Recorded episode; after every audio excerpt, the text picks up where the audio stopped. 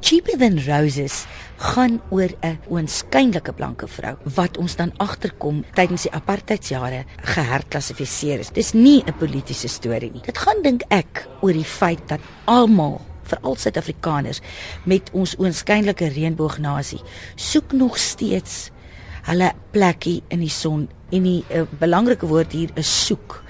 Koenie de Villiers wat die musiek geskep het, het maar gesê, weet jy, dis hierdie stuk gaan oor eensaamheid. En ek dink in die breë trekke is dit ons almal se versigtiging dat ons wil op 'n manier sekere dinge van ons herkoms vergeet en ander dinge na toe teruggryp.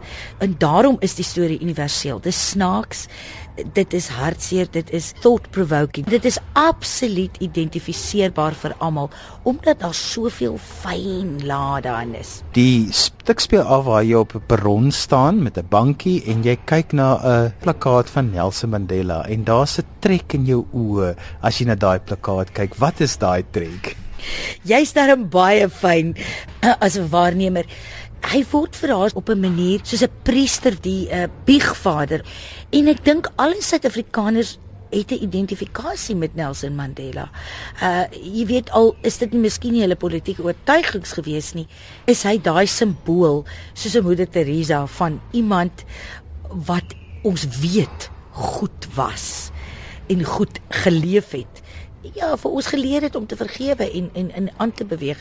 En ek dink dit is die behoefte van mense is om te verstaan dat hulle moet aanbeweeg van dit wat hulle terughou ek het 'n voorkeur vlei die stuk is spesifiek vir jou geskryf en hy's omtrent amper 20 jaar terug geskryf. Hoekom het jy hom nou eers gedoen? Ismail Maal met die dramaturg. Hy was by Witbank Stadsteater op daai stadium. Ek het aan 'n produksie gespeel en toe sit ons eendag in 'n koffiewinkel in Melville en ons praat en hy sê toe vir my, "Daar's hierdie storie." Ek kry toe 'n 52 episode televisiereeks en 'n rolprent die einste lipstick dipstick en 'n groot advertensie en hy kry toe 'n pos in Amerika. So dit het net nie gebeur nie. In toe verlede jaar het Dr. Nileru nou die vorige hoof is van die Suidoosterfees my gebel. Gesê, "Hoe lyk dit? Wil julle weer die stuk doen?" En weet jy, ek is so bly ons het dit nie daai tyd gedoen nie. Ek dink ek was by verre te jonk. Mense het lewenservaring nodig en daar is nou 'n pathos en 'n ironie en fyn satire wat dit nie 20 jaar terug sou gehad het in die oë van gehoor klere nie. Die karakter wat jy speel, het haarself wit laat verklaar. Wat het jy van die geskiedenis rondom dit na jouself toe gebring? Ek wonder hoekom dit gedoen is. Wat wat was die motivering? As daar dan daardie eksklusiwiteit was vir een kultuurgroep, waarom wou hulle of sou hulle ander daarin in toelaat? It intrigues me. En die ander ding is ek hou van stories waaroor ons nie praat nie, nie die gewone klisjées nie. Ek is nie lief vir klisjées nie en ek glo nie in resepmatigheid as 'n kreatiewe mens nie. En ook hierdie karakter is interessant want she's no saint, hoor. Sy self bejammerend. Sy plaas baie min die skuld op haarself vir haar besluite. Sy's soos kwiksilwer. Sy verander die hele tyd. Ek dink sy het definitief 'n bietjie van 'n bipolariteit, want sy spring van emosie by een plek na die ander. En dis 'n verskriklike lekker uitdaging vir 'n speler om te speel en ook om te besluit hoeveel van haar skynlewe moet ons sien en hoeveel van haar herkoms nou dat sy 'n week by die huis was moet ons sien. Wat is daai fyn balans? Jy werk saam met Zayn Nias aan die stuk. Wat het Zayn vir jou na die stuk toe gebring as 'n regisseur?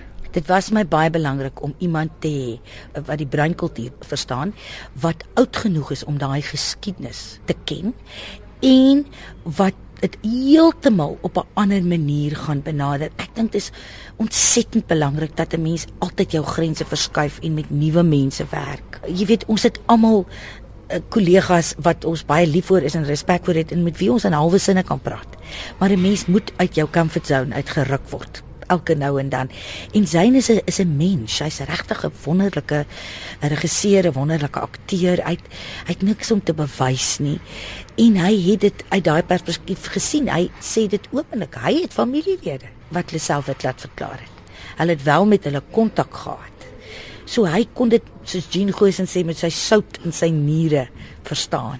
Iets wat my baie sterk in die stuk na vore gekom het is dat klere is 'n lyflike ding, kultuur is 'n hartsding. Hoe het jy dit jou eie gemaak? Jy som dit baie mooi op om te gaan sit en te sê wat was hierdie vrou se motivering om huis toe te kom na 27 jaar? Ek dink sy het 'n sterwende pa met wie sy kom ons wees nou eerlik nie 'n goeie emosionele verhouding gehad het enigsins nie was haar verskoning om weer terug in die boesem van die familie in te kom. En dit het nie gebeur nie want baie keer was dit so in die geskiedenis dat as iemand geherklassifiseer is is hulle dood verklaar of vir alles dit nie van die Kaapse uh, omgewing af is het hulle gesê ag nee die persoon is net groot stad toe.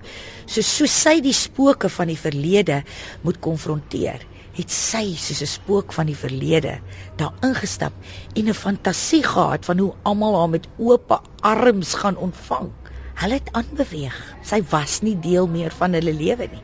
En dit is haar woede, haar frustrasie, haar verwarring en ook die humor dat ons sien haar al starrigheid en haar gebrek aan insig in die situasie. Ons sit nou hier op 'n bank buite kan die teater waar jy die rol gaan speel. Jou hare is plat gesteek in jou kop, as ek vir die luisteraars kan sê. Jy lyk reg, jy's gemake-up, alles is daar. Wat gebeur tussen nou en 8 uur wanneer jy uitstap as hierdie karakter? Eerstens totale paniek. na 31 jaar het ek in hierdie bedryf en na 2000 rolle het ek nog nooit ooit kalm op 'n verhoog gestap nie. Die adrenalien is so belangrik uh, vir my. Wie jy die vrees dat jy mense gaan verveel, dat jy hulle tyd gaan mors. Hulle het hulle harte en hulle hulle moeite vir jou gegee om hier hier te kom. So ek ek voel dit is 'n geweldige verantwoordelikheid. En en dan om net letterlik vir jouself te sê dit gaan nie oor jou nie. Dis 'n geveg teen die kreatiewe ego om te sê jy is net 'n kanaal om 'n storie te vertel vertel die storie. En uh, jy het die stuk gesien, jy weet sy kom nogal ontsteld op die verhoog. En dit is 'n proses om daar te kom. Mense dink ons gaan in 'n vreemde meditasie of 'n trance of iets in. Dis glad nie dit nie. Dis letterlik afsluit en afsny van alles om jou. Jy hou op om die SMS'e te kyk, jy weet, of ander korrespondensie of dinge te doen. Dit verg konsentrasie om benewens enigiets anders om amper 27000 woorde te onthou. Om af te sluit, jy doen hierdie storie nou vir die tweede keer in Kaapstad. Die storie is so gepas vir Kaapstad. Wat het mense al vir jou gesê van die vertoning? Baie interessant. Ons het letterlik uit elke hoek uit al gehore gehad. Kyk, dit speel af in Bedaarsdorp wat eintlik nou mos maar dit al 'n streeksnaam is vir Bredasdorp. Daar was breinmaatskaplike werkers, vrouens van Bredasdorp daar wat my gesê het, maar jy jy kom van ons af. Wat waaroor ek dankbaar is want dit beteken die aksent 'n werk. Dan het ek 'n jonger generasie mense gekry, uh, soos die akteur Christo Davids wat wat my gesê het, "Lisie, dit is my baie mooi, maar kan mense nou asseblief aanbeweeg?" En Wenet Ebrahim wat so gehuil het dat sy nie kon praat nie want sy's van 'n ouer generasie. Gisterand was Dali Tambo uh, hierso en hy het my gesê hy het nie geweet nie. Hy het nie geweet dat dit gebeur het nie en dit kry ek baie alle kultuurgroepe wat sê ons het nie geweet dit het gebeur nie. Maar ek sê weer, hierdie is nie 'n slaan op die boesem en sê ek ons is jammer, ons is jammer nie. Dit is net 'n storie van 'n doodgewone mens wat gedink het deur haar identiteit te verander, gaan sy 'n fantasie lewe lei. Soos mens dink as jy jonk is, soos enige iemand dink, as ek dit doen, as as ek dat doen, dan gaan alles in plek val. So totaal uiteenlopende uh goed van sy meese familie wat hier was. Wat vir my gesê het, ons het jou geglo en dit is vir my belangrik.